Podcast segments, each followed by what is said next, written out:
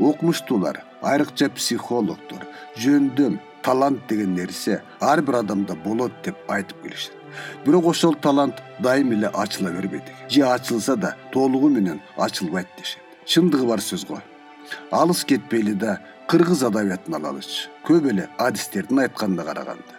Маселен алыкул осмонов менен мидин алыбаевдин табият берген акындык таланттары болжол менен алганда бирдей эле болгон экен бирок акыр аягында алыкул жыйырманчы кылымдагы кыргыз адабиятынын туу чокуларынын бири катары тарыхка кирди. Ага себеп катары бир катар шарттар жана кырдаалдар ички тышкы себептер саналып жүрөт. Көрсө табият берген талантты тулпардай таптап алгыр куштай таманынан кагып ак булуттар алата учурган дагы көп нерселер керек турат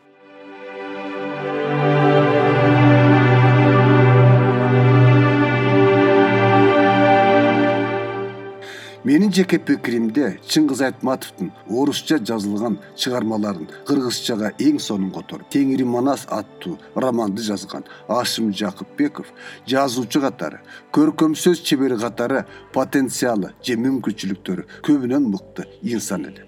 Бирок ашыкенин чыныгы таланты аягына чейин ачылбай жүрүп өтүп кетти сыяктанат анын аябагандай зор жазуучулук мүмкүнчүлүгү бар экени. Айрыкча чыңгыз айтматовдун чыгармаларын кыргызчага оодоргондо чындап билдик жана туйдук. Жакыпбековдо сүрөткерлик зор талант бар экенин анын теңири манас романынан дагы бир жолу көрдүк. Стефан свейк менен михаил лермонтовдун чыгармаларын орусчадан кыргызчага чоң чеберчилик менен которгондо байкадык. Ошондо ашыкенин сүрөткерлик таланты котормодо эмес анын жеке чыгармачылыгынан көрүнгөндү. Өзүнүн төл чыгармаларында гүлүн чындап ачканда кандай сонун болмок деген ой сөзсүз кетчү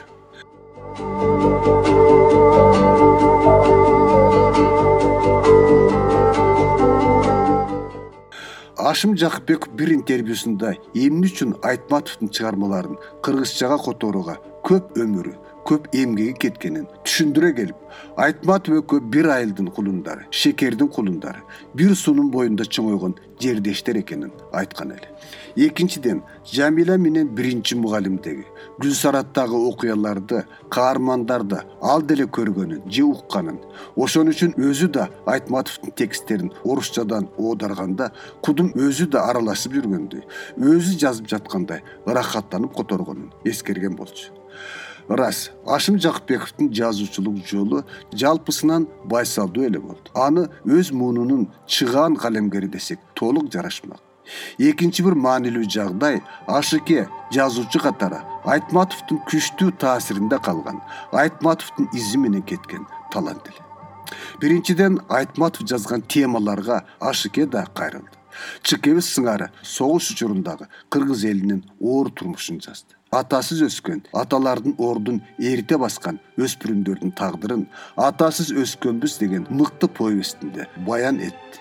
Айтматовдун гүлсаратындагы турмушту же окуяларды айкашка деген повестинде жазды. Бетме беттеги дезертирдин тагдырын катаал багыт деген чыгармасында козгоду. Ырас бул темалардын баары айтматов жазгандан кийин жазылды. Бирок баары абдан мыкты жазылса да орусча эмес кыргызча кагазга түштү темалар глобалдык эмес улуттук контекстте козголду дүйнө окурманы үчүн эмес кыргыз окурманы үчүн иштенди айтматов башынан эле шолохов катаев твардовский сыяктуу алыптар менен жарышкысы келип кийин солженицын распутин бондарев евтушенко аксенов сыяктуу күлүктөрдүн тобунда даңкан зыргытса ал эми ашым жакыпбеков болсо асанбек стамов сейит жетимишев мар байжиев сыяктуу таланттуу курбалдаштар менен ат салышты. Озсо озду бирок алардан эч бири артта калган жок.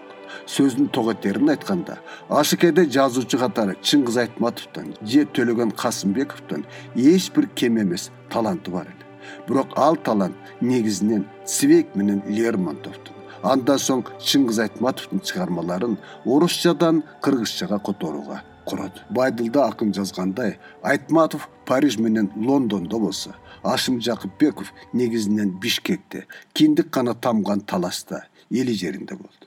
Бир айылдан өскөн жан агасы жалаң калеминин генийлигинин күчү менен ааламга аты кеткенде кубанып да сыймыктанып да таң калып да жүрдү.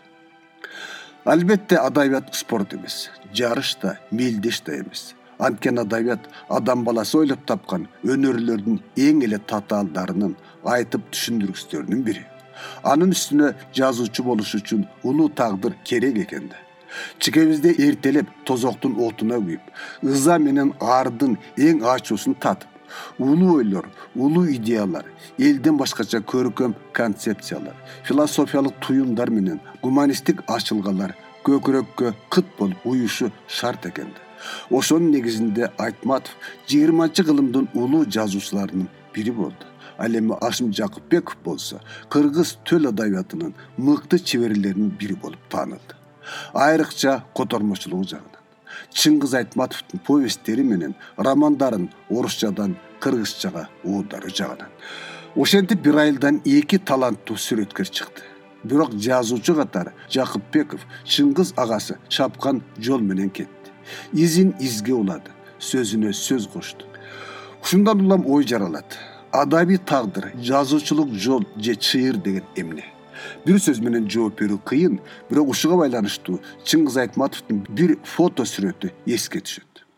Ал сүрөттө чыкебиз шекер айылынын чети менен кеткен жалгыз аяк жолдо бир жакты көздөй басып баратат эгер элестетип айтсак ошол жол аны акыр аягында дүйнө адабиятынын так сересине көркөм сөздүн кан теңирине жеткирди. Ал айтматов баскан жол менин баамымда ашым жакыпбеков да ошол шекерден өзүнө ылайык бир чыйырды тандап чоң дүйнөнү көздөй багыт алды ал жол ашыкени аскасы асман тиреген кан теңирге алып барбаса да таластагы айтылуу манас атанын ак кар көк музуна адаштырбай алып келди.